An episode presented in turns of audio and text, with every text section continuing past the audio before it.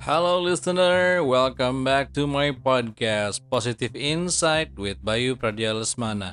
Di segmen kali ini kita akan bahas tentang goal settings. Nah, banyak orang menentukan tujuan. Nah, apalagi sekarang setelah lebaran ya, mungkin banyak orang yang mulai kembali ke nol katanya ya. Jadi mulai dengan tujuan yang baru, kemudian ngelis banyak listnya ya biasanya banyak daftarnya untuk yang di achieve setelah lebaran ini. Apa gitu. Nah mungkin rekan-rekan juga salah satu yang bikin goals ini. Nah ini salah satu checklist gimana caranya bikin goals tadi atau sasaran tadi biar jadi lebih gampang untuk di achieve oh mungkin nggak lebih gampang sih tapi yang pasti lebih jelas. Karena kadang-kadang kan waktu kita bikin goal itu nggak buat sendiri tapi sering kali kita juga bikin goal buat tim, buat orang lain, buat rekan kerja, buat rekan hidup ya. Jadi gimana caranya kita juga mampu untuk mengkomunikasikan goal tadi kepada orang-orang yang berkepentingan. Nah, salah satu cara bikin goalsnya itu dengan smarter goal setting ya. Jadi smarter itu apa sih? Jadi S-nya yang pertama itu adalah spesifik. Gimana caranya kalau kita bikin goals, itu kita bikin goalsnya spesifik. Harus sesuai dengan apa yang Anda inginkan. Karena kalau goals tadi terlalu general atau terlalu umum, apa yang terjadi? Jadi kita kadang-kadang nanti salah dapatnya, nggak sesuai dapatnya. Nah, gimana caranya kita bisa bikin sebuah goals itu lebih spesifik adalah dengan menambahkan atribut-atribut atau kata-kata sifat terhadap apa yang ingin kita capai misalkan ya atau benda yang kita inginkan. Nah, kita bisa tambahkan atribut-atribut yang betul-betul sesuai. Misalkan Anda mau baju, bajunya warnanya biru, ukurannya sekian. Nah, itu mungkin dengan menambahkan atribut. Tips yang gampang aja Terus ada juga M, yaitu M ini mesti measurable. Maksudnya measurable itu kayak gimana? Jadi kita tahu nih, goals kita itu kapan kita harus achieve, sudah sampai mana kita jalan, kapan startnya, kapan finishnya. Gampang lah diukurnya ya. Kalau lihat progres, kita tahu progresnya sampai di mana. Kita juga tahu harus melakukan apa lagi nih untuk bisa ke tahapan yang selanjutnya. Nah itu tadi measure atau bisa diukur. Karena kalau susah goalnya diukurnya, maka susah juga kita mau melakukan improvementnya atau peningkatannya. Nah, itu adalah measurement. Oke. Okay? Setelah measurable, yaitu agreed kalau misalkan Anda bikinnya sama-sama nih ya. Jadi nggak cuma bikin sendirian, harusnya agreed disepakati sama semua orang yang akan achieve goalnya kalau kadang ada yang ada yang bilang agreed ini juga achievable, bisa di achieve ya. Karena ini adalah checklist ini bantuan biar bikin goal kita itu lebih jelas aja ya.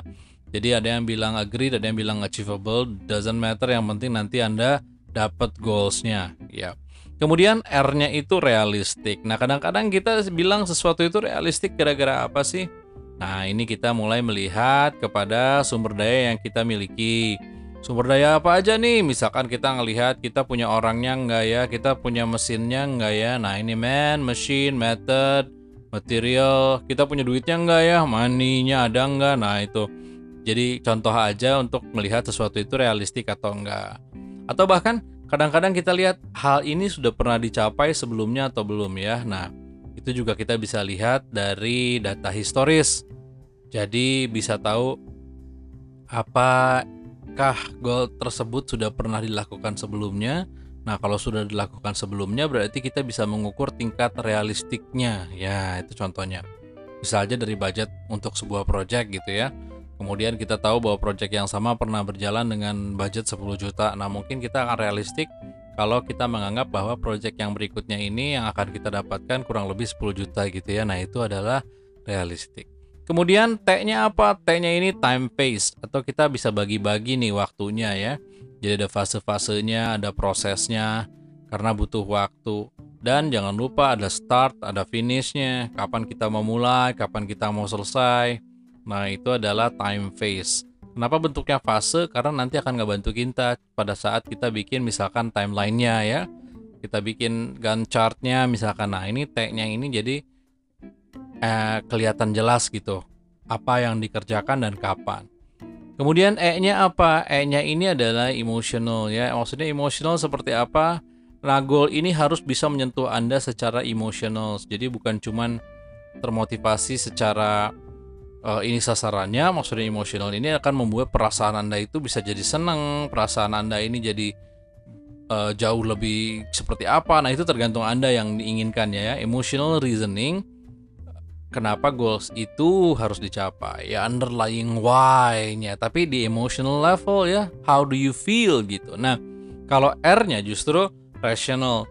Atau kita butuh alasan yang rasional why-nya yang rasional kenapa goals ini pengen kita achieve. Nah maksudnya apa? Karena ER ini emotional dan rational ini yang sering kali justru membuat seseorang mau berkomitmen achieve goalsnya atau enggak Contohnya nih, Anda mau turun berat badan secara emosional mungkin Anda akan bilang bahwa wah, saya udah ngerasa frustasi nih karena berat badan saya. Nah, kemudian kalau yang rasionalnya adalah mungkin Anda sudah merasa tidak sesehat dulu atau sefit yang dulu lagi jadi harus menurunkan berat badannya. Nah, itulah goalsnya tadi harus emotionals dan rationals untuk bisa di achieve. Ya terakhir mungkin nggak ada di smarternya tapi sebetulnya ada C yang harus dilakukan untuk bisa mencapai goals tersebut.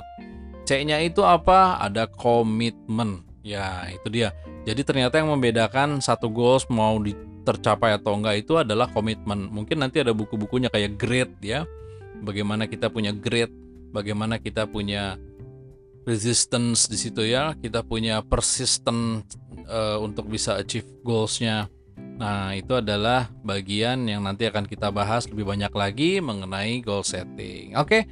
Untuk sesi pendek kali ini kita hanya membahas smarter, S-nya adalah specific, M-nya measurable, A-nya agreed, R-nya realistic, T-nya time-based, I-nya emotional, dan R-nya rational. Thank you very much happy listener, mudah-mudahan menambah sedikit bermanfaat Brighter thinking for brighter future. Sampai bertemu di segmen berikutnya.